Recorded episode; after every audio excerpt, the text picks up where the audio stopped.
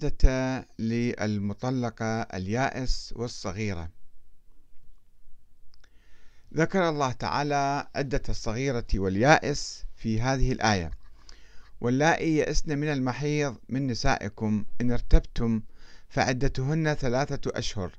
واللائي لم يحضن وأولاة الأحمال أجلهن أن يضعن حمل حملهن ومن يتق الله يجعل له من أمره يسرا.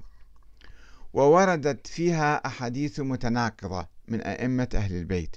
بعضها يوجب على الصغيرة واليائس أخذ العدة بعد الطلاق. ويفسر كلمة إن ارتبتم بالجهل في بحكم الصغيرات واليائسات. وبعضها يسقط العدة عنهما تماما ويعلق العدة على الارتياب في رؤية دم الحيض. فأما من لا ترى الدم فلا عدة عليها. مثل موثق عبد الرحمن بن الحجاج. قال سمعت أبا عبد الله عليه السلام يقول ثلاث يتزوجن على كل حال التي قد يئست من المحيض ومثلها لا تحيض. قلت ومتى تكون ذلك؟ قال عليه السلام إذا بلغت ستين سنة فقد يئست من المحيض ومثلها لا تحيض والتي لم تحض ومثلها لا تحيض. فقلت ومتى تكون كذلك؟ قال ما لم تبلغ تسعة سنين فإنها لا تحيض ومثلها لا تحيض والتي لم يدخل بها. اثنين صحيح حماد بن عثمان عن أبي عبد الله قال سألته عن العلة التي قد يأست عن التي قد يأست من المحيض والتي لا تحيض مثلها. قال عليه السلام ليس عليهما عدة. ثلاثة حسن بن محمد بن مسلم قال سمعت أبا جعفر يقول في التي قد يأست من المحيض يطلقها زوجها قال قد بانت منه ولا عدة عليها. وحسنة الآخر عنه قال التي لا تحبل أو لا تحيض مثلها لا عدة عليها. وصحيح جميل بن دراج عن بعض أصحابنا عن أحدهما في الرجل يطلق الصبية التي لم تبلغ ولا يحمل مثلها وقد كان دخل بها والمرأة التي قد يئست من المحيض وارتفع حيضها فلا يلد مثلها. قال عليه السلام ليس عليهما عدة وإن دخل بهما.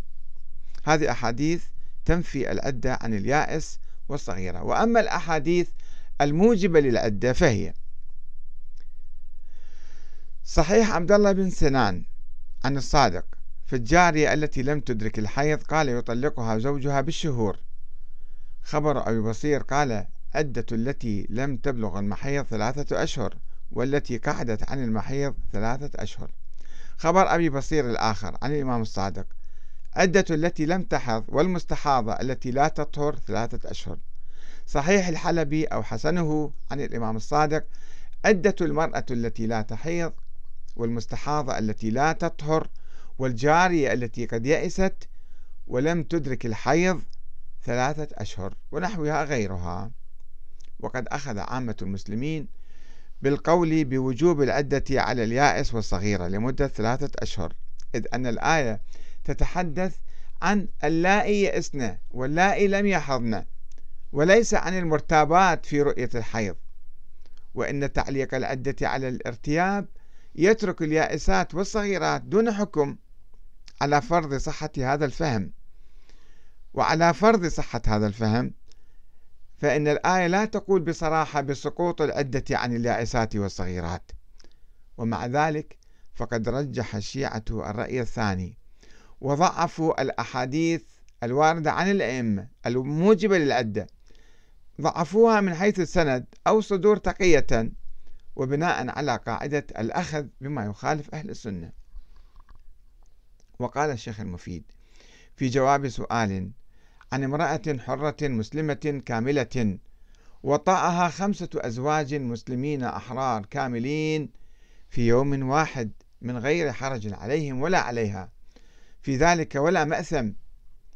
فقال هذه امرأة كبيرة السن آيسة من الحيض فليس عليها عدة تحبسها بعد الطلاق عن الأزواج.